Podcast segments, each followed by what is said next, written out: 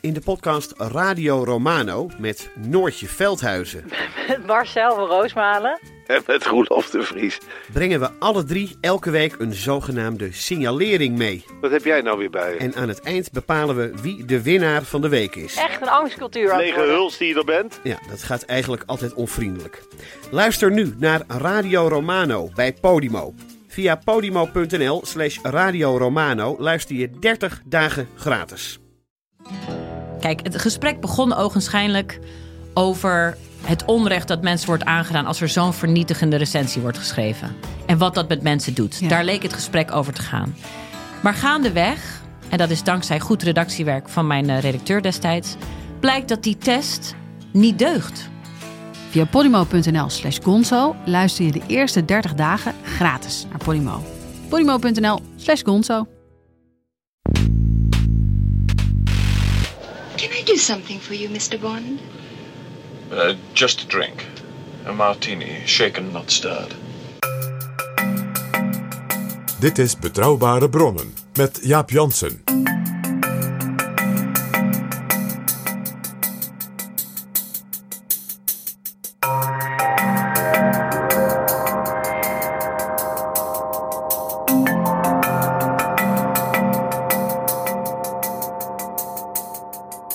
Hallo, welkom in Betrouwbare Bronnen, aflevering 295. En welkom ook PG. Dag Jaap, PG, we gaan het hebben over spionnen. ga je het hebben over Sigrid Kaag? Nee, we gaan het hebben over spionnen. Maar eerst, PG, de nieuwe vrienden van de show. Er is één nieuwe vriend. En dat is Erik. Hartstikke leuk, En bedankt er zijn Erik. drie mensen die we ook als vriend beschouwen die een eenmalige donatie hebben gedaan. Eenmalige donaties zijn ook een warme uiting van vriendschap. En daarvoor heel veel dank Frank, Ina en Willem. En als jij nou ook een vriend van de show wil worden, wat heel eenvoudig betekent dat je doneert. En dat kan eenmalig, maar dat kan ook vaker. En dan help je ons nog veel meer mooie afleveringen van Betrouwbare Bronnen produceren. En als je dat wil doen, ga dan naar vriendvandeshow.nl slash bb. U bent allemaal zeer welkom. Dit is Betrouwbare Bronnen. PG, als je in de inlichtingenwereld werkt, dan gebruik je het woord spion helemaal niet. Nee. Want als je er werkt, dan ben je een inlichtingenofficier. En iemand die informatie geeft en daar misschien een kleine vergoeding voor terugkrijgt, of een grote vergoeding, dat is een agent. En dan heb je ook nog informanten, en dat zijn mensen die zonder tegenprestatie informatie geven. En je hebt mensen die heten assets. Die zijn geen spion en geen informant, maar die worden regelmatig benaderd. Omdat bijvoorbeeld een buitenlandse mogelijkheid iets van ze weet. Of een bepaald soort afhankelijkheid hebben. Waardoor ze zeggen, jij gaat eens even dit doen. Dat zagen we in het Mueller Report bijvoorbeeld nogal over de familie Trump. Niet alleen over Donald Trump. Nee. En je hebt nog een soort overtreffende trap van spion. Dat is de dubbelspion. Zo had je bijvoorbeeld Kim Philby. En die zei daarover. Ik heb niemand verraden. Ik heb altijd dezelfde werkgever en dezelfde opvattingen gehad. Ik was gewoon een agent die de tegenpartij moest infiltreren. En het meest merkwaardige en verborgene, dat zijn natuurlijk de sleepers. Dat zijn mensen die dus als het ware heel lang in een land, een vijandig land, carrière maken en dan op een bepaald moment geactiveerd worden. En daar zijn natuurlijk een aantal hele beroemde voorbeelden van. En één daarvan die gaan we natuurlijk vast ook even behandelen. Dat is die man die zeg maar een soort bureaumanager was van Willy Brandt. PG, jij noemde al de naam Sigrid Kaag. Dus jij, wij, trappen eigenlijk nu in de val die Thierry Baudet heeft neergezet vorige week bij de Algemene Beschouwingen. Uh, ja, en dat doe ik met graagte vanuit de geschiedenis. Want uh, wat Baudet daar deed, is hilarisch. Ook vanuit de historie gezien. En is natuurlijk een ook wat, wat kinderlijk naïeve manier om iemand als mevrouw Kaag met haar cv natuurlijk te kijk te zetten. Ja. En dat zij als vrouw met dat, dat cv uh, en met de dingen die ze heeft gedaan. Hè, we hebben het met Wilma Kieskamp natuurlijk over gepraat. Wat zij deed voor de wereldgemeenschap en voor de verschrikkingen ja, in Syrië, die burgeroorlog. Dan hoef je je inderdaad op een dergelijke manier niet te laten suggereren of zwart maken. Ja, dat heeft dus te maken ook met een zekere, mag ik het woord zeggen, soevereiniteit van mevrouw Kaag als persoon. Wat Baudet deed en wat ook de reden was voor het kabinet om en masse de zaal te verlaten, was ja, eigenlijk een vorm van guilt by association. Namelijk hij had het over Sigrid Kaag heeft uh, gestudeerd aan St. Anthony's College aan Oxford. En dat is toevallig een college wat heel erg bekend staat uh, voor het aantal, grote aantal spionnen wat er vandaan komt. Ja, dus de, de geheime diensten werven de hele slimme studenten. Toevallig vooral bij St. Anthony's College. Het was natuurlijk een geweldig compliment van Baudet. En ja, dat soort dingen weet hij natuurlijk alleen omdat zijn opdrachtgever van de FSB uh, hem dat heeft verteld. De FSB is uh, wat we vroeger de KGB noemden, de KGB. Of de NKVD, dan, de, dan wel de CK, precies. En want alleen die weten dat soort dingen. En daarmee onderstreept Baudet, ik neem aan onbedoeld, dat Sigrid Kaag dus tot de meest intelligente en effectieve en uh, ja, begerenswaardige intellecten waren. Ja. als student al. Nou, sterker nog, wat jij doet nu, PG, is ook een soort guilt by association, maar dan over John Loveland. Het staat vast dat John Loveland, de directeur van Forum International, zoals dat heet, dus de internationale tak van Forum voor Democratie, die heeft gestudeerd aan St. Anthony's College. Dus die weet daarvan. En die werkt ook samen in vele opzichten met het Kremlin en wat daaromheen hangt. Ja, want inmiddels is naar buiten gekomen uh, dat hij bijvoorbeeld met mevrouw Natalia Norochniskaya, een lid van de Duma van de partij van president Poetin, heeft geluncht in het Kremlin met president Poetin. Want die mevrouw was de directeur van een instituut in Parijs dat gefinancierd werd, gewoon rechtstreeks via Gazprom door het Kremlin, waar meneer Loveland een onderzoeker was. Dat heeft hij dus jaren in Parijs gedaan en is daarna onder andere gaan werken in het Europees Parlement. Voor Vorm voor Democratie. Vorm voor Democratie. En het was natuurlijk helemaal niet toevallig dat in diezelfde periode de dochter van Sergei Lavrov, de minister van Buitenlandse Zaken van het Kremlin, een medewerker was in het Europees Parlement van de fractie van mevrouw Le Pen. Ja. Dat linkje tussen, tussen de Parijs, de Franse politiek, meneer Loveland en het Kremlin is dus helder. Baudet en Loveland kennen elkaar al ruim 15 jaar. Uh, sterker nog, uh, Baudet heeft zelf gezegd dat hij delen van zijn proefschrift heeft geschreven. Helpen produceren, ja. En zij hebben, uh, ook dat heeft Baudet gezegd, dezelfde opvattingen over de wereld. Zij vinden allebei dat Oekraïne een fictie is. En ze vinden allebei dat Poetin een geweldige kerel is. Want dan een viriele leider, hè? Ja, mannelijk. Ja. ja, dus ik zeg dan, it takes one to know one. Ja, een student van het St. Anthony's College. Uh, ja, met deze opmerkelijke loopbaan.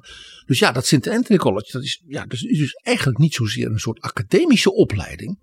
Maar ik zat meer te denken aan onze betrouwbare ronde edities over de enorme opgang in, in, in, ons land. Ja, en ook in Duitsland van het HBO. Het is een hoge beroepsopleiding voor James Bond types, blijkbaar, volgens die Loveland. Ja, dat St. Anthony's College is trouwens een eh, college waar behalve Sigrid Kaag ook bijvoorbeeld Anne Applebaum aan gestudeerd heeft. Die wij in een van onze eerste afleveringen, mijn aflevering 9 te gast hebben gehad over Poetin notabene. Over Oekraïne, over haar boek over de verschrikkingen in Oekraïne onder Stalin met die dus bewust gecreëerde hongersnood die miljoenen levens kostte. Waar zij van in een mapje toevallig de enige bewaarde foto's heeft gevonden. Omdat alle foto's daarvan door het Kremlin waren verwoest onder Stalin. Iemand anders die er heeft zit, oud-eurocommissaris Olly Rehn. Olly Rehn uit Helsinki. Nou, dat, eh, zeg, als je nou één safe pair of hands hebt en één door en door Finse, ja, ingetogen, sommige mensen zouden zeggen wat saaie figuur, dan is het wel Olly Rehn.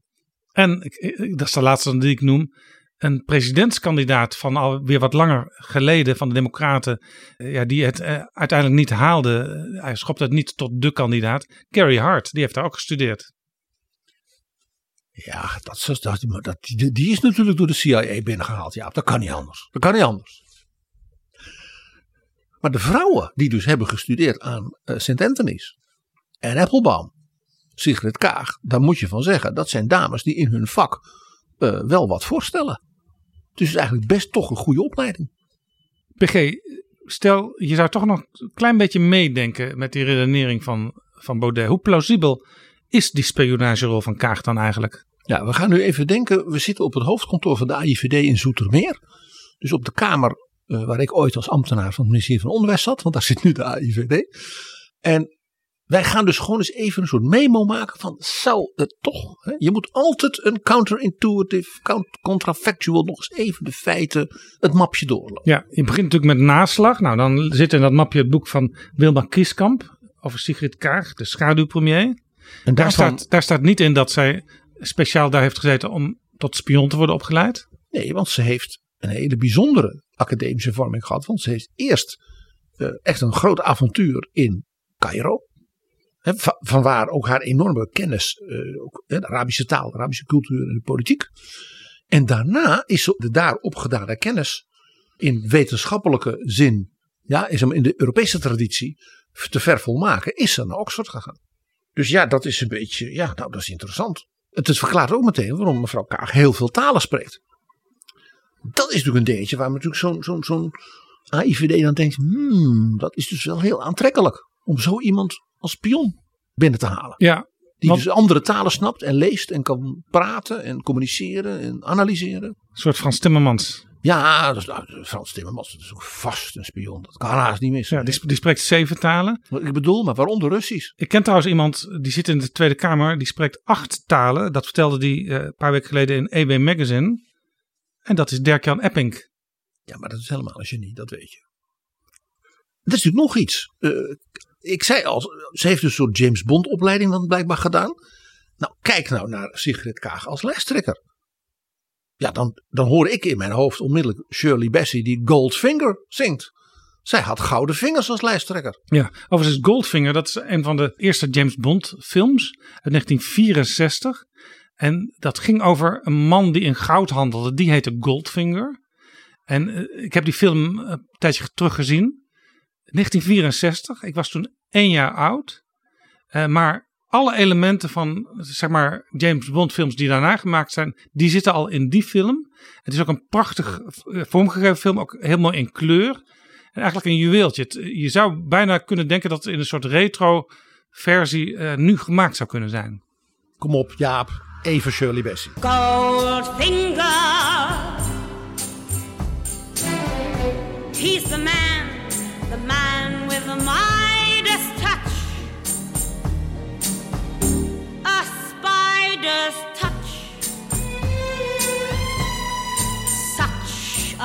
Cold finger. Overigens, PG, Sigrid Kaag is geworven in Libanon door Ingrid van Engelshoven, die destijds voorzitter van D66 was. Dan zou, als je in dat hele complot gelooft, zou Ingrid van Engelshoven ook een, ook een spion moeten zijn. Ja, ik geloof dat niet, Jaap. Want eh, mevrouw van Engelshoven was natuurlijk van de afschaffing van de basisbeurs. In de invoering van het leenstelsel. Dus die zouden tegen Kaag hebben gezegd. Nou ja, Nee, dat is niet waar. kom, dat, was, eh, maar, je, maar je krijgt eh, niet betaald, je moet ervoor lenen. dat was de PvdA-minister. Die heeft dat allemaal afgeschaft. Ja, maar dat was mogelijk doordat D66 vanuit de oppositie dat steunde. Dus dat complot is ook heel helder. Ja, je bent wel geschikt voor complotten, PG. Ja, dat, eh, als je maar genoeg geschiedenisboeken hebt gelezen, dan, dan ga je dat soort dingen zien, ja. Patronen. Maar goed, PG, laten we het gaan hebben Even serieus. in deze aflevering over spionnen. Nee, even serieus. Nee, maar e- even Jaap. We zitten nu een beetje te geiten en dat mag wel. Hè? Zeker met Shirley Bassey en de grote diva In- Ingrid van Engelshoven. Maar zullen we nog even noteren, ook uit onze editie met Wilma Kieskamp, dat meneer Assad vooral een beetje bang was voor Sigrid Kaag. Dus dat betekende dat meneer Assad, aangestuurd door meneer Poetin, precies wist wat voor vlees in de kuip had. Er was een mevrouw die, daar kon je maar beter serieus mee omgaan. Hij, Die- keek, hij die- keek haar ook niet in de ogen. Nee, en ze bleef net zo lang zitten. Met die broche, weet je nog? En zij woonde in Jeruzalem. Ze woonde in Beirut. Ze zat voor haar werk. Dat ze zei, ik ga niet vanuit Beirut. Ik ga in Damascus zitten. Ik weet dat alles wat ik daar doe, zeg, ja, wordt natuurlijk door spionnen en de geheime dienst afgeluisterd en gevolgd. Je denkt toch niet dat zij met haar rol niet ook permanent in beeld was bij de Mossad? Bij de Saoedi, bij de geheime dienst van Teheran, bij Hamas, Hezbollah, de CIA. Tuurlijk. Ja. Dat heeft ze dan in ieder geval misschien wel ooit geleerd op St. Anthony's, dat je altijd op je hoede moet zijn. Nee, maar die, die afstandelijkheid van Kaag, waar sommige mensen politiek zeggen van dat vinden ze niet leuk, of ze willen eigenlijk dat ze warmer is en zo. Dat zit gewoon natuurlijk in dat vak waar ze in opgegroeid is. Dus ik vind dit argumenten om te zeggen, de gedachte dat zij dus die, zeg maar, die functionaliteit van de spion zou hebben, is om die reden volstrekt ridicuul. Wij doen het mapje Sigrid Kaag van de IVD weer dicht, PG. En we gaan het hebben over spionnen in regeringen en parlementen, want die zijn er wel degelijk geweest in de geschiedenis. Ja, het is een, uh, Jaap, hoeveel uur hebben we? Want, want ja, daar valt enorm toe veel over te vertellen. Uh, in zekere zin was Machiavelli, denk hè, in onze 200ste editie, ook een beetje een spion. Die werd door de, bestuur van Florence dan naar de koning van Frankrijk gehoord. En dan zat hij met, met die biechtvader te praten en met dit. En de familie Borgia, he, waar ze zo bang voor waren, die zoon Cesare. Nou, dan ging hij met hem praten, maar ook met zijn bewakers en met zijn. Dat hoorde dus toen al in die ja, late 15e, vroege 16e eeuw bij het spel. Dus dit type wat je ook zei, informanten, mensen die eens even meedenken en eens kijken en rapporteren naar een opdrachtgever die niet bekend is. Dat is letterlijk zo oud als de wereld. Ja, er is een heel merkwaardig voorbeeld van zo iemand en dat is Hamilton Fish. Niet te verwarren met zijn grootvader die buitenlandse zakenminister was. Hij heette ook in Amerika Hamilton Fish III. Ja, dat was een hele, hele uh, dynastie in de New Yorkse Republikeinse Partij. Uh, Hamilton Fish was lid van het Huis van Afgevaardigden. En die had een kiesdistrict. Fluitend won hij dat. Dat was klassiek Republican. Daar woonden namelijk heel veel, wij zouden zeggen, Dutch Reformed, voormalige Nederlanders. Ijverige, vrome, spaarzame mensen. Succesvolle boeren, uh, succesvolle ondernemers. Hè, actief in de kerken en het sociaal leven. En een van die families, met die achtergrond, die ook daardoor heel rijk was geworden, was de familie Roosevelt. Dus Hamilton Fish was een republikein, dat haalde niet makkelijk. En een van zijn, ja, de mensen die niet op hem stemden in dat district was Franklin Delano Roosevelt. En die haten elkaar. En ja, jij weet, Franklin Delano Roosevelt werd president. En zijn kiesdistrict was dus een republikein, Hamilton Fish, die hem haatte. En dat was geheel wederzijds. Dus PG, dat was water en vuur. Dat was water en vuur. En dat ging zo ver dat Hamilton Fish uh, vond natuurlijk de New Deal helemaal verkeerd. En ja, was natuurlijk razend dat die Roosevelt overwinning op overwinning op overwinning haalde. met verpletterende cijfers. Al in 32, nou nog meer episch in 1936. Nou, toen in 1940 had hij de brutaliteit vanuit de geschiedenis om te zeggen: ik ga voor een derde termijn. Ook toen won hij opnieuw. En toen was er iets heel aparts in die campagne. Want toen werd Hamilton Fish enorm bestreden door de plaatselijke media en alle lokale organisaties. Er was een helemaal campagne tegen Hamilton Fish, want die was zo tegen de president. En wij weten nu dat die campagne in belangrijke mate werd aangestuurd en ook gefinancierd door de Britse geheime dienst, door Churchill. Churchill? Ja. Die, die bemoeide zich met een Amerikaanse campagne. De verkiezingen van 1940 heeft Churchill in alle mogelijke districten dus mensen aan het werk gezet. En een van de strategen daarbij was Ian Fleming, de schrijver van de James Bond boeken. En Hamilton Fish was dus een belangrijk object, want hij was een fanatieke verdediger van America First. Ja, Time Magazine heeft hem ooit the nation's number one isolationist genoemd. En dat was dus de representant, ik zeg nog een keer, van het kiesdistrict van FDR. En FDR had zo de pest ook aan hem. En je weet, de FDR was een man die was niet, hij was charismatisch, maar het was bepaald geen zachtzinnige politicus. Het was geen lievertje. Die heeft in die campagne gezegd: Ik ben nu twee termijnen president. Ik ga voor een derde termijn, want het is oorlog. Hè? De Tweede Wereldoorlog was uitgebroken. En ik moet de democratie verdedigen. En ik moet ook de verworvenheden van de New Deal verdedigen. De ouderdagsvoorzieningen, de sociale wetgeving, de positie van de vakbonden, het redden van de boeren. Dus hij deed een beroep op de Amerikanen. Bewaar dat, want als de Republikeinen winnen, dan gaan ze dat allemaal afschaffen. En dan heb je zo'n America First beweging. En aan het eind van dus die elke ding, als je dan zei, en ik heb dit gedaan, ik heb dat gedaan, ik heb dat gedaan voor de armen en de boeren en de. Hè, en wie waren daartegen? De Republicans onder leiding van Martin, Barton en Fish. Hij noemde dus de fractieleider Martin en dan was er een belangrijke senator en Fish. Dat was zo'n succes, ja, dat hij dat als het ware als een soort grap elke keer weer zei. En wie waren tegen? Dat dan op een bepaald moment, na twee, drie keer, zo'n zaal met 30.000 mensen in zo'n stadion of in zo'n eh, congreshal. Dan ging die, die zei dan, en wie waren daar tegen? De Republicans. En dan zei de hele zaal, Martin, Barton en Fish. Uh, dat kan trouwens iets zijn dat, waar Fish misschien zelfs wel dankbaar voor was dat dit gebeurde. Want ja, je wordt genoemd, je wordt herhaald genoemd. Je wordt als vijand in de spotlight gezet. Nou waren daar redenen voor, want voorafgaand aan die campagne was uh, hij op bezoek als lid van een delegatie van het Huis van Afgevaardigden in Europa. En dat ging dus om te kijken wat, hoe Amerika neutraal kon blijven natuurlijk. En uh, nou ja, wat er dan met die Europese landen nog wel en niet kon gebeuren. En toen heeft hij daar ontmoet Joachim von Ribbentrop, de minister van Buitenlandse Zaken van Hitler. En dan hebben we het, lag niet, over augustus 1939. Ja, toen, toen iedereen wist wat voor vlees ze in de kuip hadden met Nazi-Duitsland. En de, de maand dat Ribbentrop in Moskou het beroemde, beruchte Molotov-Ribbentrop-pact tekende van Hitler en Stalin. Om Polen natuurlijk te vernietigen. Wat dan ook gebeurde. In die maand is meneer Fish dus in Europa en van Ribbentrop zegt, zo interessant om met u te praten. Vlieg met mij mee dus hij is in het vliegtuig van Van Ribbentrop als een soort eregast meegevlogen naar Berlijn. En die hebben dus ja, gezellig met elkaar gepraat. En ze bleken gemeenschappelijke vrienden te hebben in Amerika. Ja, dat verbaast je niet.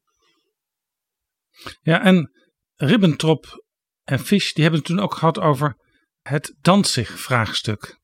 Ja, kan Fish niet ervoor zorgen dat er een meerderheid in het congres zou kunnen komen of zoiets? Of in de media in Amerika, dat dus Duitsland toch uh, terecht klaagde hè, dat Danzig uh, ja, neutraal was. Dat moest toch gewoon bij Duitsland. De bevolking wilde dat ook bij een referendum. Nou, daar gaan we weer. En kun je die corridor niet. We willen helemaal geen oorlog met Polen. Maar ze Polen moet wel Duitsland alles geven. Ja. En dan komt er helemaal geen oorlog. Nee. En Fish vond dat prachtig. Die was het helemaal eens. Die heeft dus openlijk gezegd: Ik ben nu in Europa op bezoek geweest. Ik heb met allemaal belangrijke mensen gepraat. Hè, zoals Von Ribbentrop. En de, de verlangens van Duitsland zijn volstrekt gerechtvaardigd. Hallo. Wat gaat nog verder, Jaap, dit verhaal? Ik heb een verhaal over meneer Fish. En dan denk jij, Mar-a-Lago. Meneer Fish uh, werd natuurlijk toen de, eenmaal die oorlog was uitgebroken. Ging natuurlijk de nazi-geheime dienst. En de, zeg maar, de PR-machine van Hitler. Ging natuurlijk in Amerika zitten stoken. Tegen Churchill. En dat Amerika lekker neutraal moest blijven. America first. Isolationisten. En Roosevelt, ja, die, uh, die was niet naïef, zoals je weet. Dus die heeft J. Edgar Hoover van de FBI op organisaties gezet. Die dus stiekem pro-Hitler verhalen hielden. En ja, ze dus laten uitkammen. En uh, ze hebben dus een overval gedaan in, bij het hoofdkantoor van een van die organisaties. En toen bleek dat daar geen papieren waren. Geen archief, dat was er niet. Dus ja, de FBI kon niks vinden. Men, men had overigens wel bankdingen, dus we zijn toch nog wel gepakt. En toen bleek dat de staf van Hamilton Fish de brieven en de archieven van deze club had verborgen in het kantoor van meneer Fish in het congres. Want ja, dat was, dat was veilige plekken. Ja. Ja. En het congres heeft dus toen een onderzoekscommissie erop gezet. En die, ik geloof dat Fish toen zo die, die staf maar een beetje heeft ontslagen. En dan van, ja. nee, ik wist van niks. Overigens, Fish zelf heeft ook nog 3100 dollar cash gekregen van een bron met nazi-Duitse banden. En dat is, dat is op een gegeven moment in een column in de Amerikaanse krant helemaal aan detail beschreven. Twee weken voor de midterms. Ja. En 3100 dollar. Was heel veel in die tijd. Dat was een vet jaarsalaris van zeg maar, een middenklasse. Dus dat was gewoon het salaris voor, zeg maar zeggen, twee studenten als medewerkers. Die dan nog goed betaald werden, zal ik maar zeggen. Nou, in 1944, dat heeft dus Roosevelt nog meegemaakt bij leven. Bij dus de vierde termijn die Roosevelt won. ging Fish ten onder. Want Roosevelt was natuurlijk een boef. Die had dus laten gerrymanderen, zoals het heet in Amerika. Die had dus dat district. Daar hadden ze de grenzen van verlegd. Bij een herindeling van de, de kiesdistricten van de staat New York. Ja. Zodat Fish niet meer kon rekenen op alleen maar, zeg maar de republikeinse boeren, Nederlands hervormde kiezers, zoals de familie Roosevelt. Maar dat er als het ware delen van een aantal steden bij kwamen. En zijn delen van het, eh, zeg maar, het rurale deel raakten die kwijt. En ja, toen was er dus een democratische meerderheid in dat district. En heeft Roosevelt zijn vijand Fish dus electoraal vermoord. Ja, overigens, eh, jaren later heeft Fish ook nog een autobiografie geschreven. Daarin beschuldigde hij Roosevelt ervan dat hij de Verenigde Naties wilde misbruiken om president van de gehele wereld te worden. Ook alweer zo'n zo'n gedachte die je nu wel eens aantreft bij mensen die nu met complotdenken bezig Ja, zijn. En eh, één ding, dat moeten we ook noteren. Hamilton Fish was gezond. Want hij stierf in 1991 pas. Toen was hij 102. En is het oudste lid dat een congres ooit heeft gehad. Maar als je het hebt over spionnen. Ja, en informanten en assets in de politiek van democratische landen. Hè, zou je bijna moet je Hamilton Fish met ere noemen.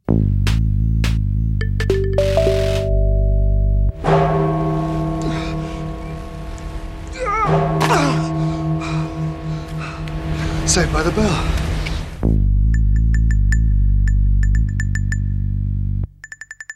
PG, als we naar spionnen in de politiek kijken, dan moeten we ook naar Duitsland kijken. Ja, ik vind dat we in deze editie, die natuurlijk samenvalt met hè, de jaarlijkse viering van de Wielervereniging. 3 oktober. Ja dan, ja, dan moeten we toch even een extra kaarsje branden voor de Stasi. Misschien ben je de enige PG die dat doet, hoewel er is natuurlijk ook nog steeds een soort nostalgie in Duitsland. En er zijn zelfs Kamerleden van de huidige Bondsdag met een Stasi-verleden. Het is een interessant land om te bekijken als we het over spionnen hebben. Allereerst moeten we het dan natuurlijk hebben over de Romeo's. Charmante Duitsers of Tsjechen of Hongaren die dan eh, in West-Duitsland werkten. En bijvoorbeeld een, een onderneming in de handel of eh, in, eh, voor, een, eh, voor een blad, de journalistiek. En die maakte werk, zal ik maar zeggen, van secretaresses op het kansleramt en bij ministeries en in de Bondsdag. En daar waren natuurlijk heel veel vrouwen die daar werkten omdat ze weduwe waren. Ja, en die, Door die de, en, en na de Tweede Wereldoorlog. En die hadden wel belangstelling om voor zo'n Romeo en Julia te worden. Ja, en hij sprak Duits, maar hij was bijvoorbeeld ook charmant. En ja, in de Stasi heten ze ook een mannen Romeo's. Naar Shakespeare. En naar die prachtige opera Romeo en Juliet van Gounod. Met enige regelmaat werd dan weer zo iemand opgepakt.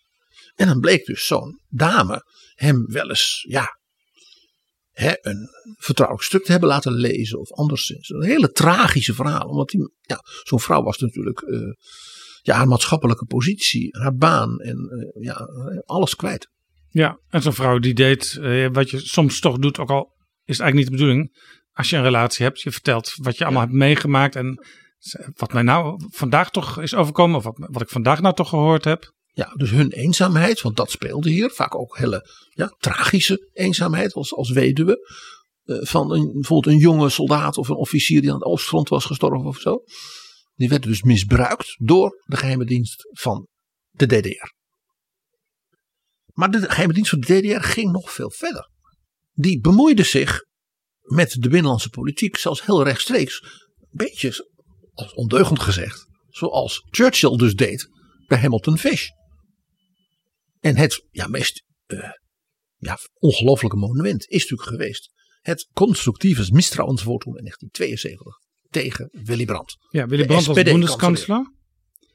En er kwam een, een motie, een mistrouwensvotum zoals dat heet, maar constructief. Eh, want dan kun je meteen iemand anders aanwijzen die dan moet opvolgen als kanselier. En dat gebeurt dan. In Duitsland heb je dus geen motie van wantrouwen.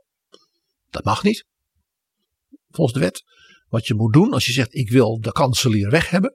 Dan moet je dus een motie indienen dat mevrouw Jansen, meneer Pietersen, in plaats van Willy Brandt kanselier moet worden. Ja. En die wordt dat dan ook als hij één stem meerderheid heeft. Ja, dan vandaar dus- constructieve is hij- ja, in het ba- constructieve het is. Ja. De CDU had zijn knopen geteld. Niet één keer, maar wel honderd keer. En die had dus allerlei Kamerleden van de rechtervleugel van de SPD, maar ook van de FDP, verleid om over te stappen naar de CDU. Want die brand was zo links. En de FDP, de liberale FDP, die een hele harde rechtse vleugel had uit de jaren 50. Die zeiden ja, die zijn nou allemaal zo liberaal. Ja, Ja, linksig. even voor het beeld, er was dus een regering leiding van Brandt, Willy Brandt, van SPD en FDP. Ja, en de linkervleugel van de FDP had als ware in die partij, de, de, de jonge generatie, had macht gegrepen ten opzichte van de oude generatie. Er waren nogal wat mensen ook uit de SS en zo in zaten. En de SPD, ja, was natuurlijk met Willy Brandt, dat was natuurlijk eh, ja, de, de, de idool van de jeugd, om maar even zo te zeggen. Van 68. En hij kwam er ook in, 69 werd hij kanselier. Meer democratie wagen, dat was zijn motto. Dus de CDU, nou ja, die had gezegd: als iedereen van ons komt, en ook van de Beierse CSU natuurlijk, met die overlopers, om het maar zo te zeggen, dan hebben wij kans op een meerderheid. En gebeurde dat? En, en wat heeft dit met spionnen te maken? Nou, de CDU kondigde aan dat ze, zeg maar, aanstaande donderdag maar, een motie in stemming zouden brengen. Met dokter Reiner Bartsel wordt verkozen door dit huis tot kanselier. En ja, ook de pers en de SPD konden natuurlijk tellen. En die zeiden, ja, als ze allemaal komen, dan hebben ze een getalsmatige meerderheid. En stel je voor, er hoeft maar één of twee FDP'ers van de rechtervleugel zich van stemming te onthouden. Want dat gaat, nou, dat gaat dus niet met hand opsteken, maar met briefjes. En als er iemand ziek is. Want zo spannend was het. Der Bundestag spricht Bundeskanzler Willy Brandt das Misstrauen aus und wählt als seinen Nachfolger den Abgeordneten Dr. Rainer Barzel zum Bundeskanzler der Bundesrepublik Deutschland. stimmberechtigten Abgeordneten beträgt, wie Sie wissen, 249 Stimmen. Ich stelle fest, dass der von der Fraktion der CDU-CSU vorgeschlagene Abgeordnete Dr. Barzel die Stimmen der Mehrheit der Mitglieder des Deutschen Bundestages nicht erreicht hat. Der Antrag der Fraktion der CDU-CSU PG, hier horen we dus dat het net niet gelukt was. En je hoort de SPD-Kamerleden. Je hoort letterlijk ze eerst hun adem inhouden en dan dit. En dan in ontlading. Wat was er gebeurd? Niemand wist het. Er gingen geruchten. Jaren, jaren later was er een SPD-Kamerlid dat op sterven lag en heeft, ik geloof in Der Spiegel, het verhaal gedaan. Hij had in opdracht van de Stasi, met wie hij contacten onderhield, dat wist de regering ook, jawel. Soms was dat nodig voor bepaalde Ja. mensenrechten situaties, dat je iemand met de Stasi kon praten, laat die man vrij, dat soort dingen. Dus hij had contacten en de Stasi had dus grote belangstelling getoond voor bepaalde Kamerleden. Eén daarvan was een man van de CDU en die had grote schulden. En was aan de drank en nou ja. Dus die kreeg gewoon contanten. En zo waren er nog een paar waarvan hij zegt: Ik weet dat de Stasi dus die mensen heeft betaald. om Willy Brandt te redden. Want dat weten we uit de geschiedenis. Willy Brandt moest later aftreden, ooit, omdat zijn medewerker ook voor Oost-Duitsland werkte. En Moskou, dus Brezhnev, zei: We moeten Brandt handhaven vanwege de Oostpolitiek. Als de CDU weer aan het bewind komt hè, na vier jaar, dan gaan ze alles terugdraaien. Ja, de Oostpolitiek was zeg maar ontspanning, werd dat toen genoemd, détente. Eh, en dat was eh, in ieder geval ook voor eh, de Russen belangrijk, want dan kon je tenminste ook handelen en, en je economie misschien wat omhoog krijgen. En kon je met Duitse technologie die pijpleidingen aanleggen tussen diep in Siberië en Europa. Was dat toen al sprake van? Ja, zeker. Hè, dat Reagan, maar dan, dan stop ik hierover. Reagan als president toen zei tegen eh, onder andere Helmoet Schmid of, of een brand. Jullie moeten daarmee stoppen. Jullie maken de Russen rijk en daar bouwen ze die raketten van waar ze mee ons bedreigen. Ja, maar PG even samenvattend. Er bleken dus eh, mensen ontvankelijk voor invloed. En jij zei het al, Jaap.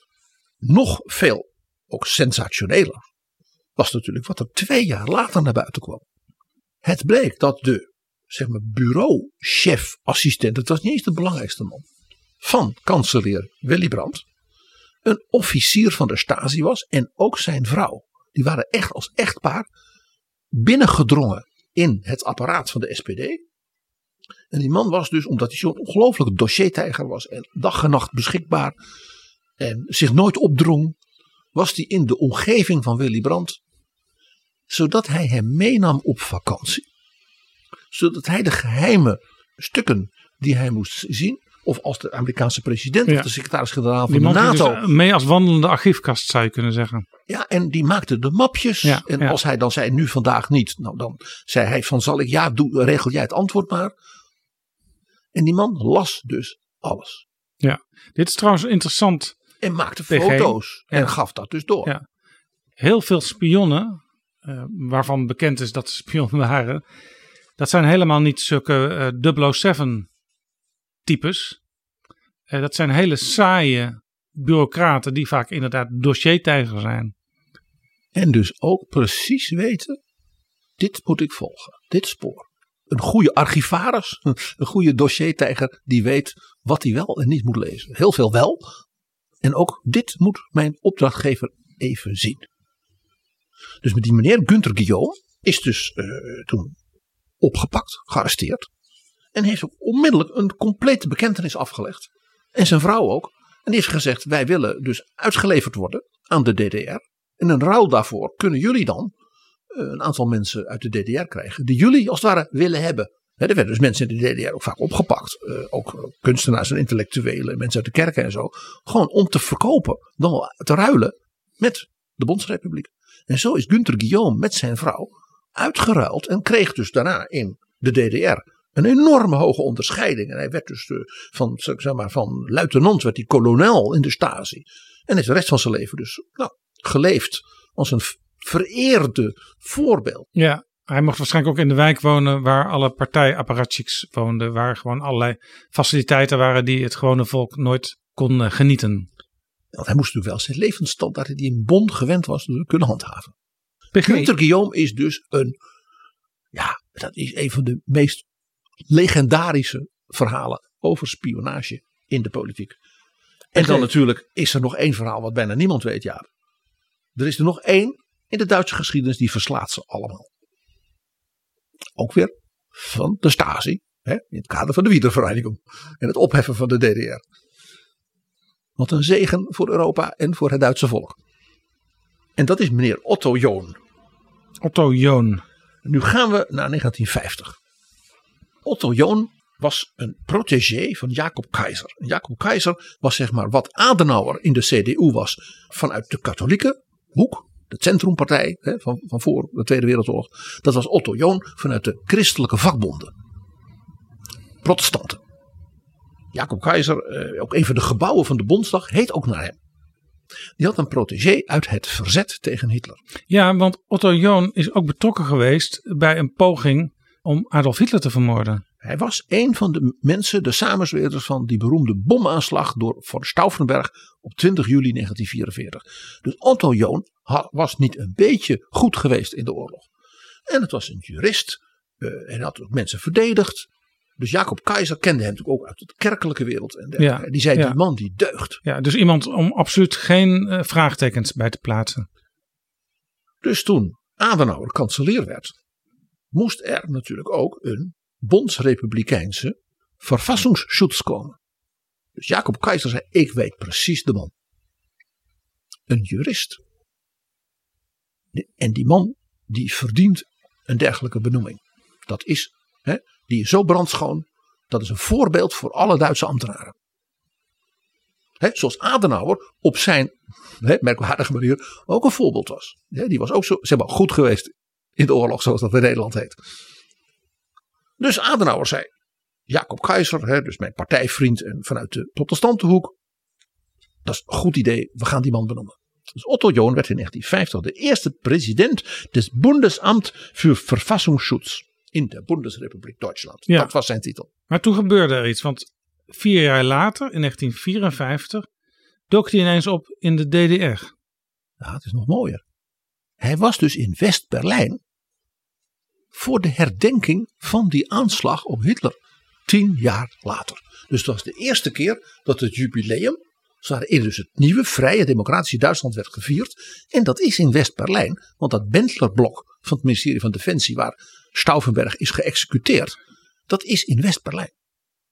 Dus daar was een krans en alles. En hij was daarbij als, ja, ik zal maar zeggen, vriend en mede samenzweerder. Ja. Hij was een van de mensen die dat had overleefd.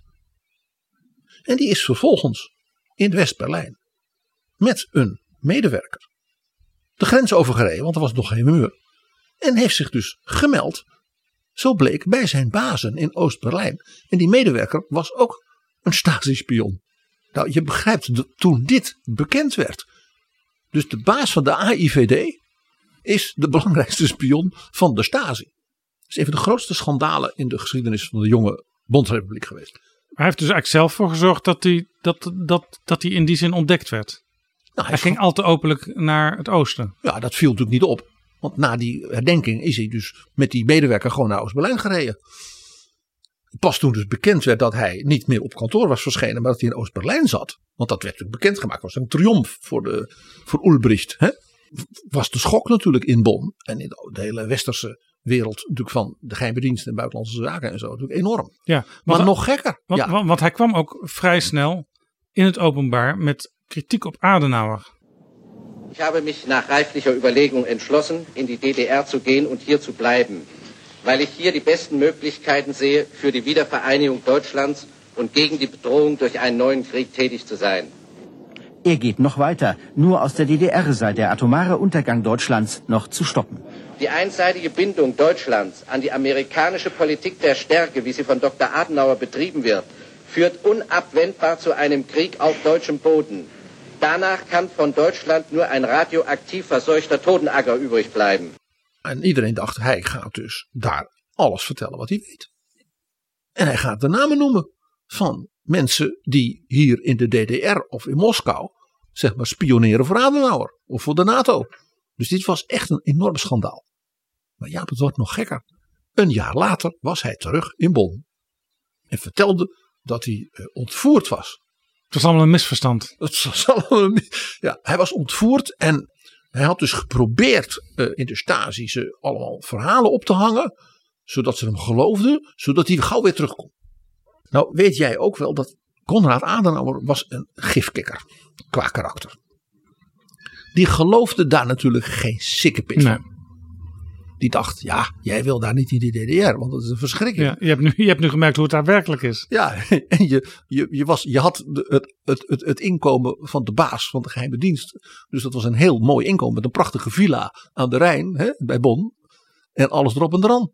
En dat hebben ze daar allemaal niet in Panko. Hè? En het enige wat ze doen is jou uitpersen wat je nog meer weet. En nog meer. En nog meer. Dus men heeft hem een proces aangedaan wegens landverraad. En hij is dus ook veroordeeld. En heeft dus heel lang in de gevangenis gezeten.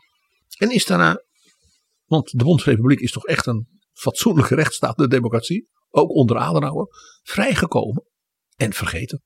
Ja, en hij heeft nog tot zijn dood in 1997 geprobeerd rehabilitatie te krijgen. Ja. Toen dus de Stasi-archieven inmiddels open waren, ja, na de val van de muur.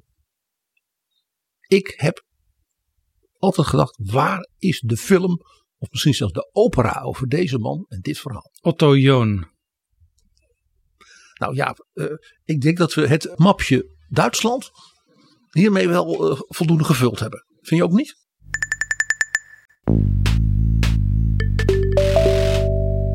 Dit is Betrouwbare Bronnen, een podcast met betrouwbare bronnen. En we praten over spionnen in de politiek, regering, parlement en ambtenarij. You have a nasty habit of surviving. Well, you know what they say about the fittest? Do you lose as gracefully as you win? I wouldn't know. I've never lost. PG, jij bent zelf ook een keer eh, door de Stasi benaderd. Ja, dat is een verhaal joh.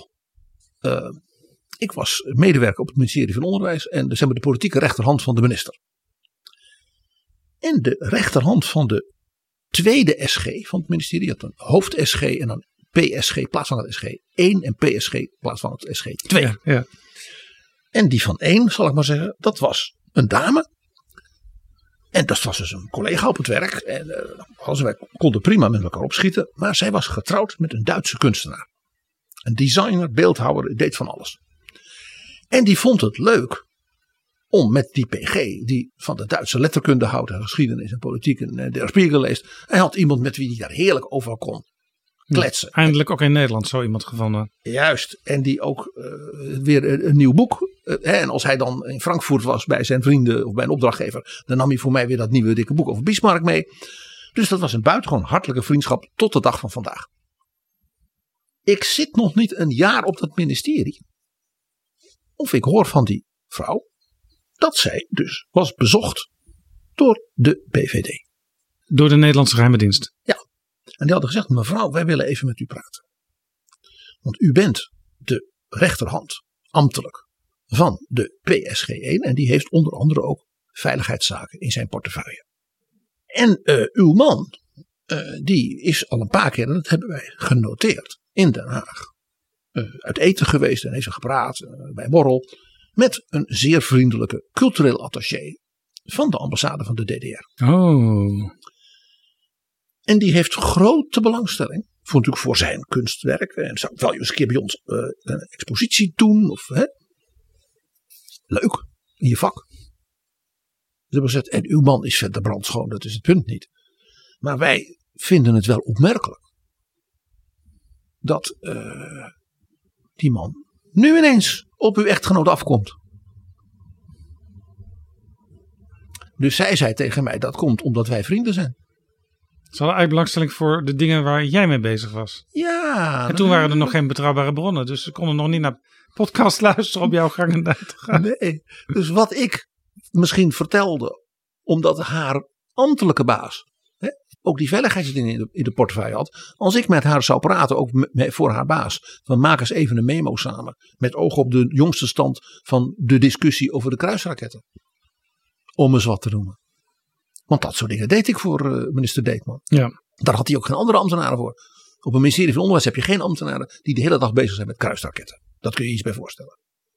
En ze wisten natuurlijk ook dat ik ook nog wel eens de minister-president Ruud Lubbers als mijn oude baas sprak. Of hij mij aansprak. Dus langs een omweggetje was in feite jouw persoon veel interessanter. En daar zou, zouden ongetwijfeld flarden van doorkomen. Ja, je weet maar nooit. Dus ze hadden blijkbaar goede spionnen hè, in Den Haag gezien dat dus deze hoge ambtenaar ondersteuner bevriend was met de ondersteuner van de minister in een tijd ja, dat de Koude Oorlog, hè, we hebben het over 1983, 84 op zijn piek was. Hè, de laatste jaren van nou ja, Andropov, Chernenko en toen kwam Gorbachev. En dat die Duitse echtgenoot een kunstenaar, ja, die kon je, hè, via hem kon je misschien wel binnendringen tot zijn vriendenkring. En is daar toen een einde aangekomen aan die ontmoetingen van die meneer met die DDR die cultureel, attaché? Die cultureel attaché, assistent van de DDR, die heeft toen zijn biezen moeten pakken in opdracht van de minister van Buitenlandse Zaken van Nederland. Dat is interessant, want onlangs zijn er natuurlijk ook een groot aantal Russen uit Nederland en uit allerlei andere Europese lidstaten uitgezet. En als er iets bijgezegd werd, dan werd er ook vaak spionage bij genoemd. Ga ervan uit dat heel veel van dat soort medewerkers, bij dat soort ambassades, dat die dubbelfuncties hebben. Natuurlijk doen ze ook bijvoorbeeld commerciële contacten, culturele contacten, er is ook allemaal niks mis mee. Maar zeker bij dictaturen zijn zulke mensen bijna altijd ook een officier van de geheimdienst. Ja, overigens, wij praten natuurlijk vooral over politieke spionage. Maar bedrijfsspionage is ook heel belangrijk. Hè? Want je wil natuurlijk weten waar grote belangrijke bedrijven mee bezig zijn. Wat hun uitvindingen zijn. Zodat je daar je voordeel mee kan doen. Juist. Bijvoorbeeld door dingen te kopiëren. Of bij wijze van spreken zelfs door slim te beleggen. Ja, jij hebt het over bedrijfsleven. Ik wijs even op de vrij pittige waarschuwingen die minister Robert Dijkgraaf deed naar de Academie van Wetenschappen, NWO, Universiteiten van Nederland, hè, onze TU's. Want ja, ze zijn daar heel knap en doen daar ja, baanbrekend werk op alle mogelijke dingen in technologie enzovoort. Dus daar zijn allerlei mogelijkheden die daar heel erg geïnteresseerd zijn. En dus ook bijvoorbeeld zo'n ambtenaar van het ministerie van Onderwijs. Want je weet maar nooit. Zo werkt dat. PG, jij noemde eerder al Winston Churchill, die vanuit het Verenigd Koninkrijk invloed uitoefende op de Amerikaanse verkiezingen. Alsof hij Poetin was met Hillary Clinton en haar e-mails. En James Bond is natuurlijk een Brit. For England. For England, Alec. For England, James? No.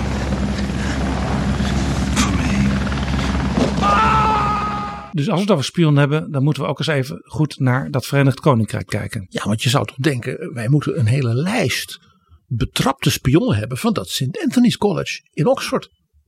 Toch? Nou, ja, wat vertelt de geschiedenis ons? En blijkbaar weet Thierry Baudet dat niet. Of zijn informant niet. Het nest van de spionage van de KGB in Engeland was niet Oxford, maar was Cambridge. Daar zijn heel veel boeken over geschreven. Er zijn ook memoires van dat soort mensen verschenen. Er zijn films over gemaakt. Sterker nog, er is op dit moment een televisieserie. Die is al uitgezonden door de BBC, maar je kunt hem nu zien op Prime Video. En die serie die heet The Cambridge Four. Dat gaat over zo'n groep spionnen. En één daarvan is in het licht van de meest recente gebeurtenissen in Groot-Brittannië extra interessant. En dat is Sir Anthony Blunt. Een kunsthistoricus. Uh, hij was onder andere de, zeg maar, de directeur, uh, conservator van het Courtauld Institute in Londen. En dat is een heel chic museum van zeg maar, privécollecties uit de 18e en 19e eeuw. En die man wist alles. Hij was de grote autoriteit in de wereld op het werk van de Franse 18e eeuwse landschapsschilders. Late 17e eeuw, 18e eeuw. En met name van Nicolas Poussin. Dus Buckingham Palace heeft hem gevraagd de purveyor of the Queen's schilderijen te worden. Dus hij kreeg de opdracht het beheer te doen van al de schilderijen van de Queen. En die hangen natuurlijk grotendeels ook in Buckingham Palace.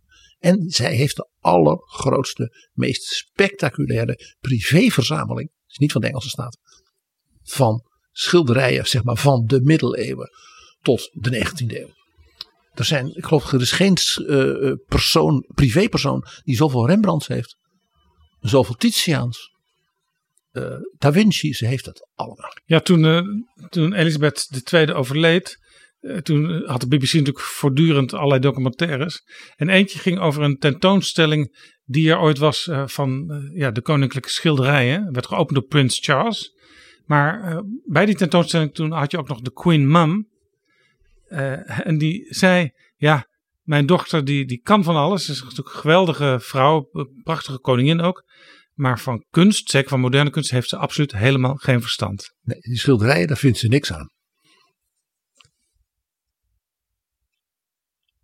Sir Anthony Blunt, daarvan was al bekend dat hij in Cambridge in dat groepje van KGB-spionnen had gezeten.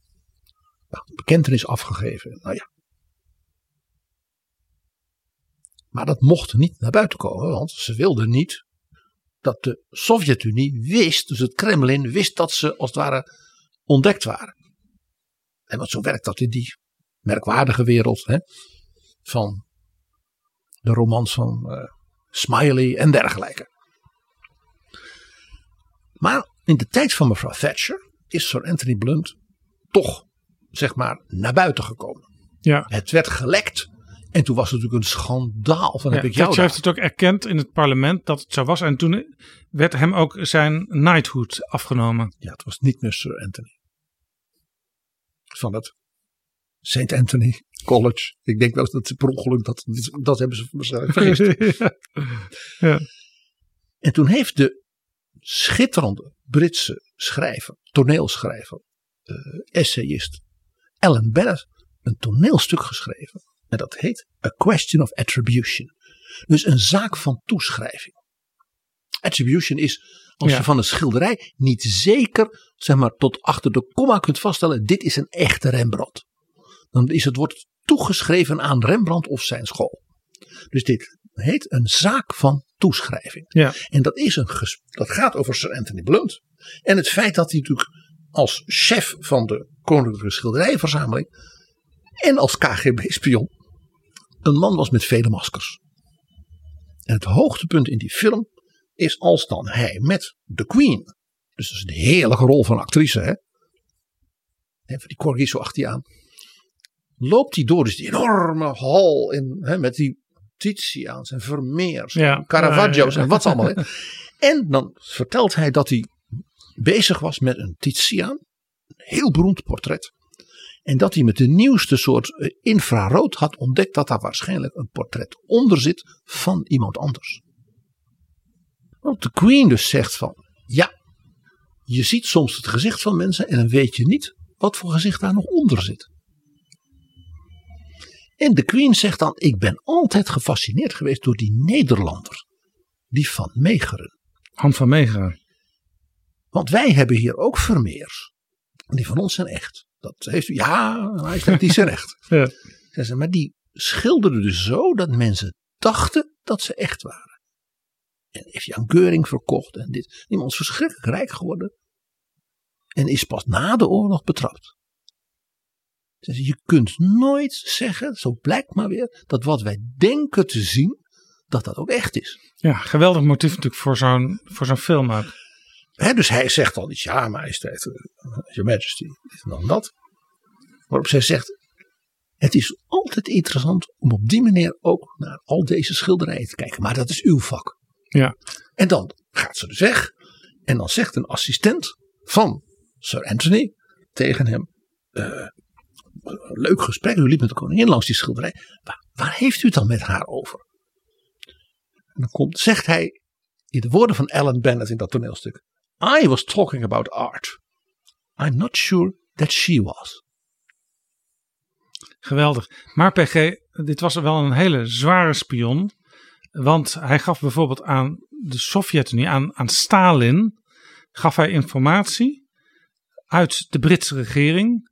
Onder andere over eh, wat er met de Weermacht aan de hand was.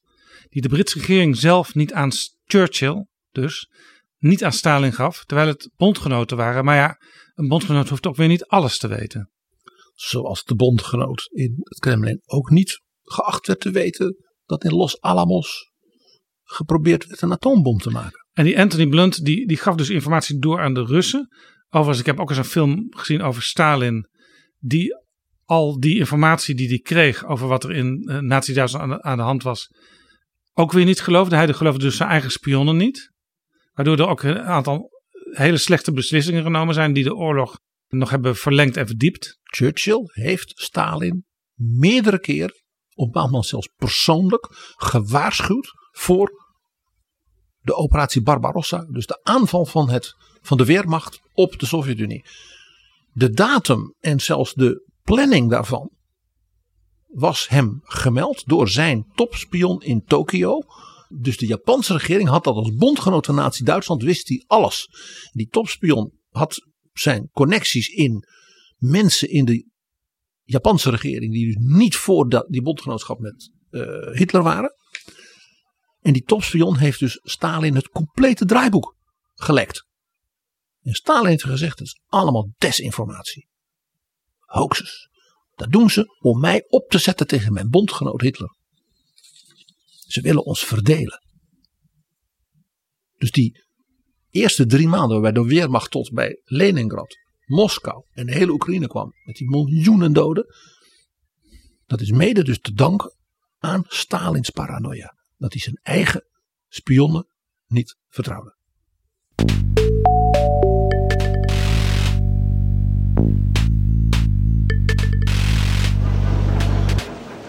There's never a cab when you want one. Who are you? My name is Pussy Galore.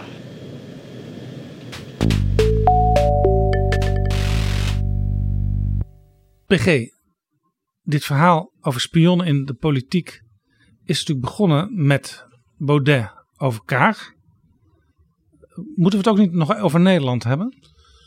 Nou ja, er is natuurlijk van alles in Nederland geweest. Uh, sterke aanwijzingen dat aan de Greet Hofmans affaire. Hè, met koningin Juliana en haar vredesvisioenen. Dat daar ook de KGB een rol in speelde.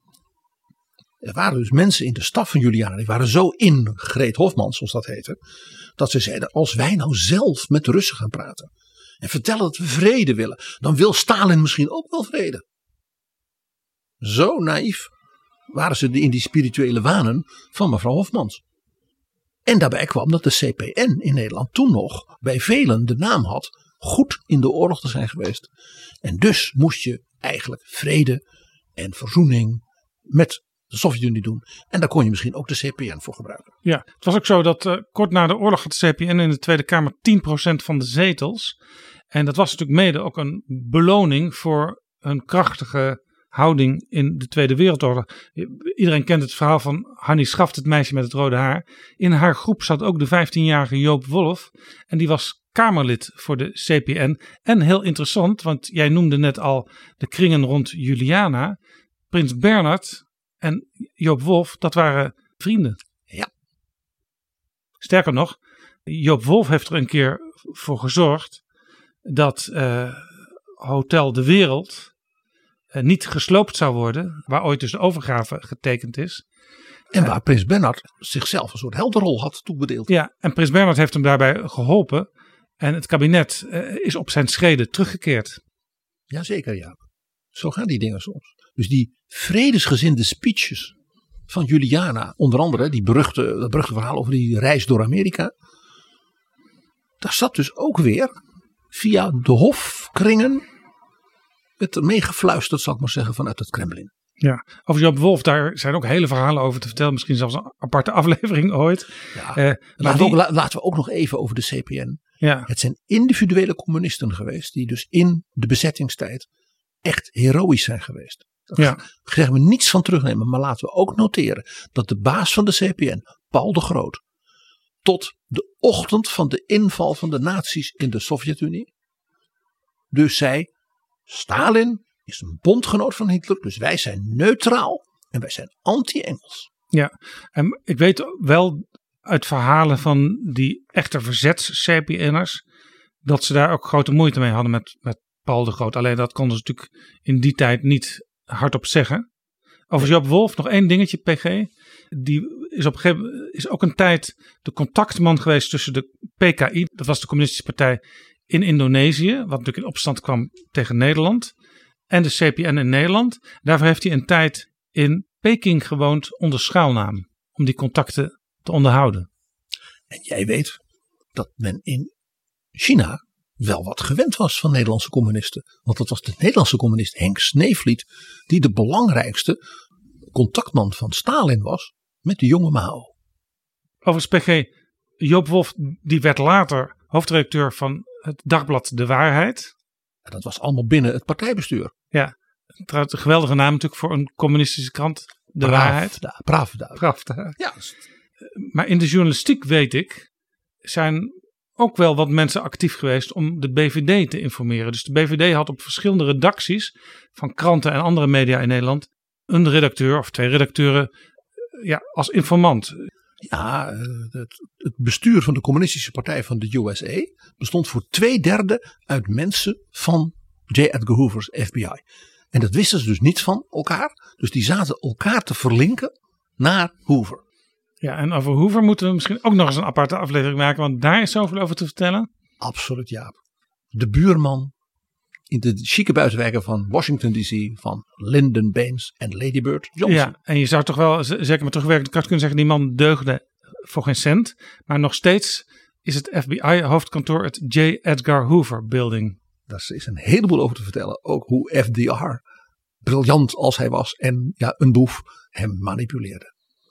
Maar Jaap, we hadden het heel even over Nederland en zeg maar, het Kremlin en de spirituele wanen van Greet Hofmans en haar invloed op de koningin. Maar we hebben natuurlijk in Nederland nu weer zoiets. Iemand met allerlei wanen, die ook natuurlijk vanuit het Kremlin uh, werd ondersteund bij allerlei initiatieven. Je bedoelt Thierry Baudet? Ja, denk eens even aan het Oekraïne-referendum. Ja, dat We was, weten dat, dat was meneer- nog, dat was nog voordat Forum voor Democratie überhaupt eh, als denktank bestond. Ja. Toen was hij al actief samen met onder andere Harry van Bommel van de SP. Om eh, Nederland tegen een samenwerkingsovereenkomst van de EU met Oekraïne te laten stemmen. Een associatieovereenkomst, dus een zeer milde ja, vorm van dat je wat makkelijk handelsafspraken kunt doen. Maar dat je tegelijkertijd zegt dat land heeft een eigen positie. Hè, Zwitserland heeft het, Noorwegen heeft het. En Poetin heeft zelfs daar toen ja, fors ondersteund met geld en wat nog niet. De campagne om zelfs dat tegen te houden. We weten meneer Kornilov, die daarvoor ineens in Den Haag opdook. Ja, En geld zwaaide. Harry van Bommel zei ook: Ik spreek met allerlei Oekraïners. En lang niet alle Oekraïners zijn tegen een hele innige band met Rusland. Nou, een van die nep-Oekraïners was Vladimir Kornilov. En die is onlangs weer, deze dagen, gefotografeerd om als bekende persoon te stemmen bij zo'n referendum voor aansluiting bij Rusland. En een paar jaar geleden had Zembla een hele aflevering over de banden van Thierry Baudet met Kornilov.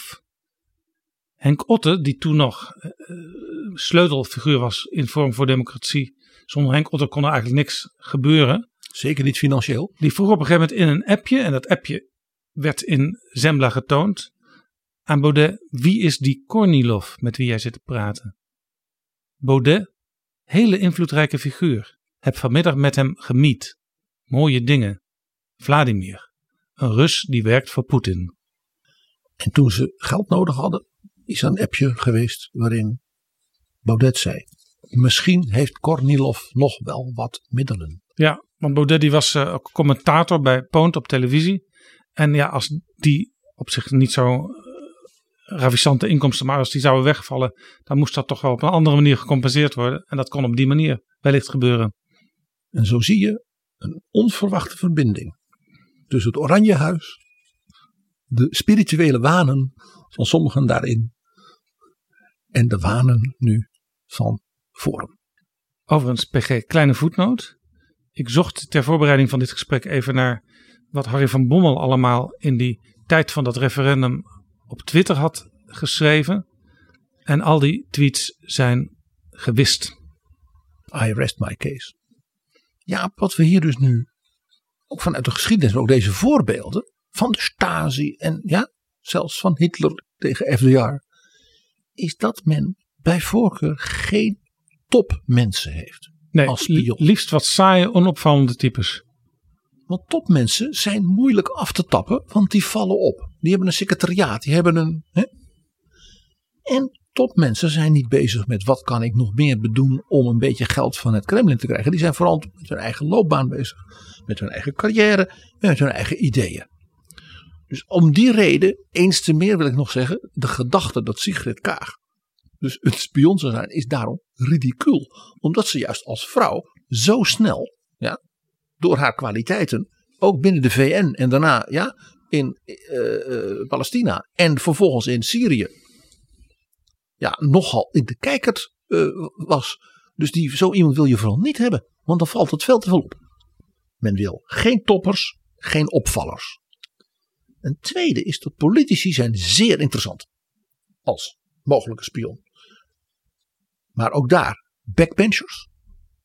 En mensen die heel lang zitten. Die dus als het ware het geheugen van bijvoorbeeld een commissie van de veiligheidsdiensten worden. Of op zo'n ministerie hè, als staatssecretaris dan weer terugkomen in de Kamer. Dat soort mensen.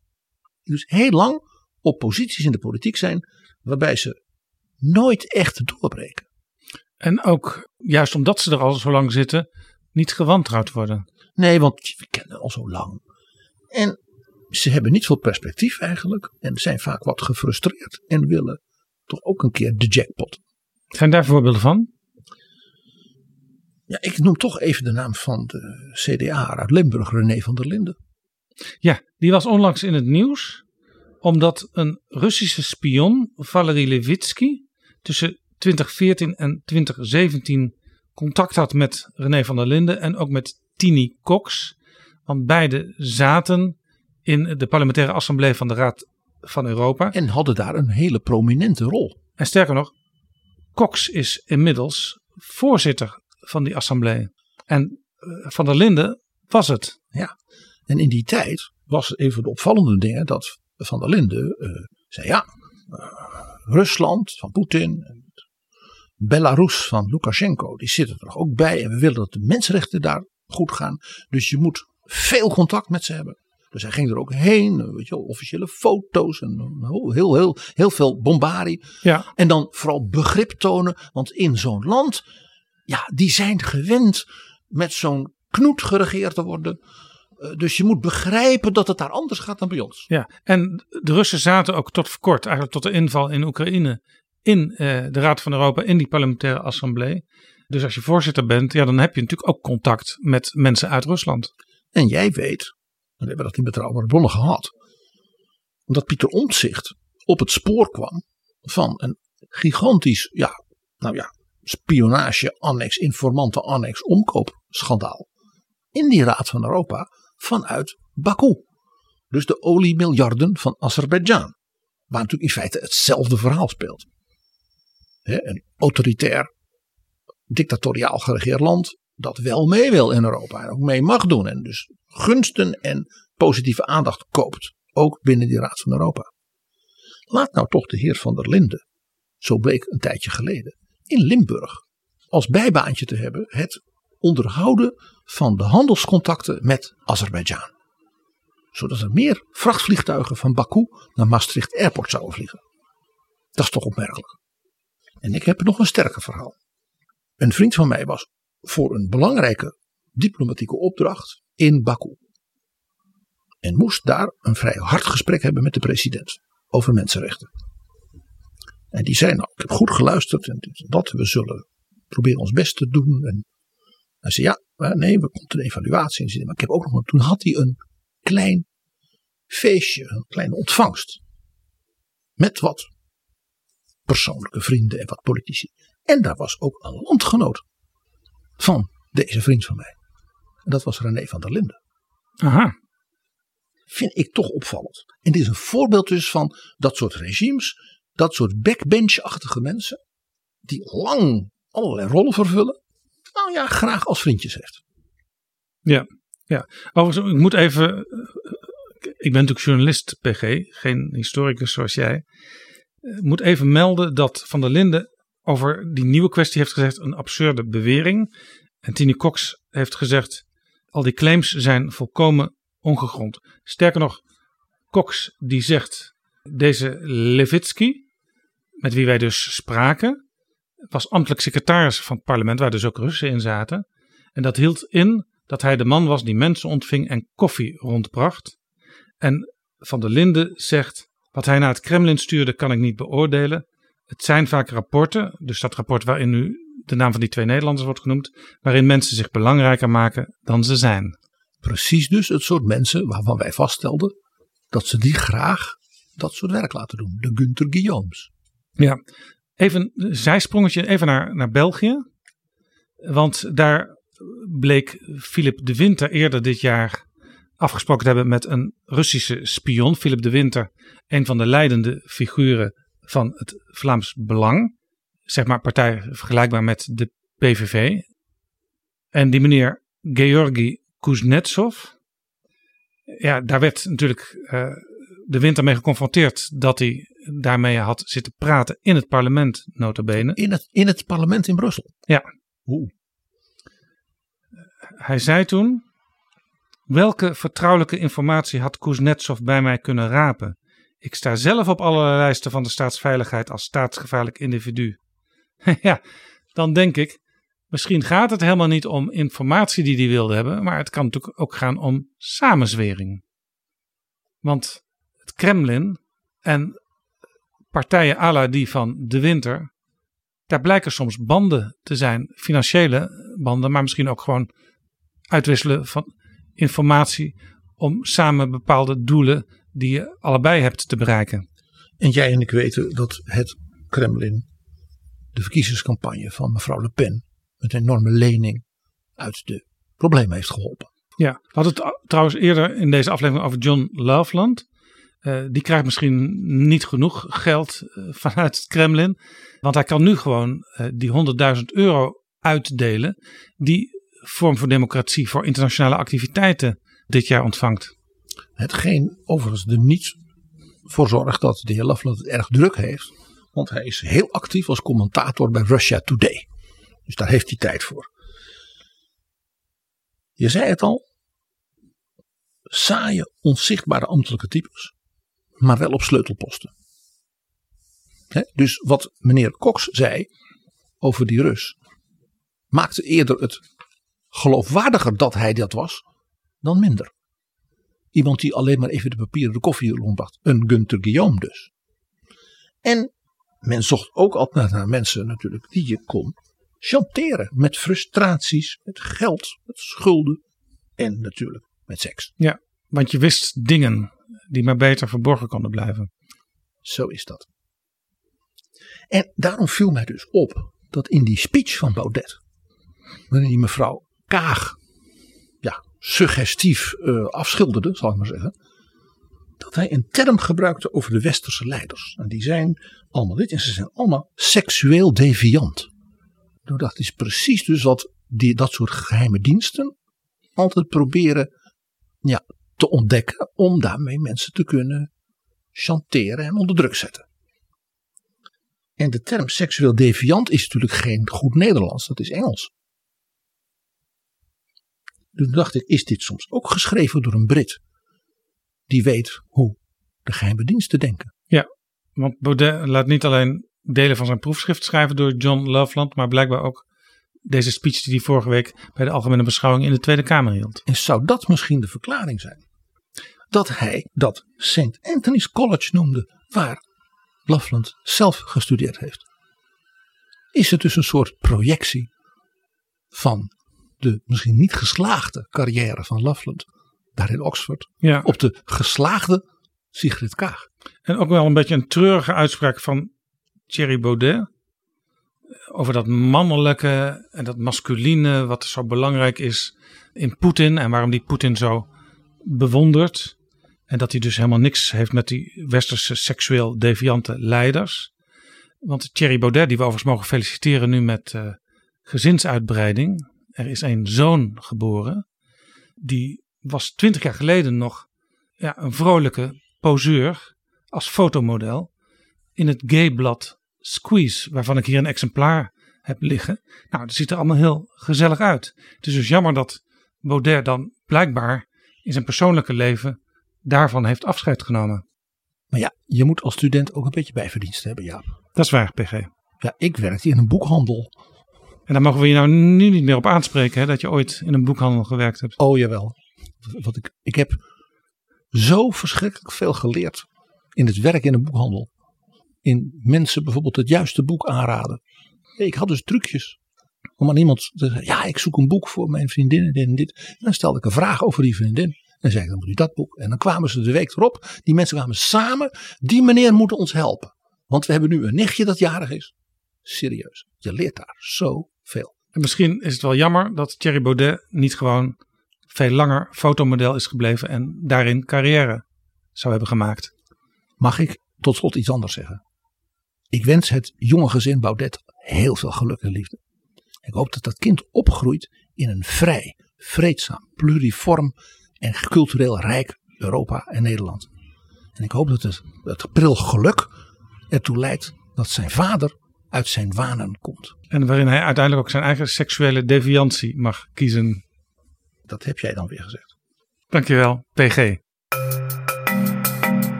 Zo, dit was Betrouwbare Bronnen, aflevering 195. Deze aflevering 295. Is... Zo. ik, ik raak de tel kwijt. Ja. Dit was uiteraard 295. Mede mogelijk gemaakt door de vrienden van de show. Dankzij donaties dus maken wij dit soort afleveringen. Soms ook met sponsoring en zo. Daarvoor mag u altijd schrijven, als u daar belangstelling voor hebt, naar adverteren dagennacht.nl. En als je vriend van de show wil worden, ga dan naar vriendvandeshow.nl slash bb. U bent van harte welkom. Tot volgende keer. Uh, just a drink. A martini, shaken not stirred. Betrouwbare bronnen wordt gemaakt door Jaap Jansen in samenwerking met dag en nacht.nl.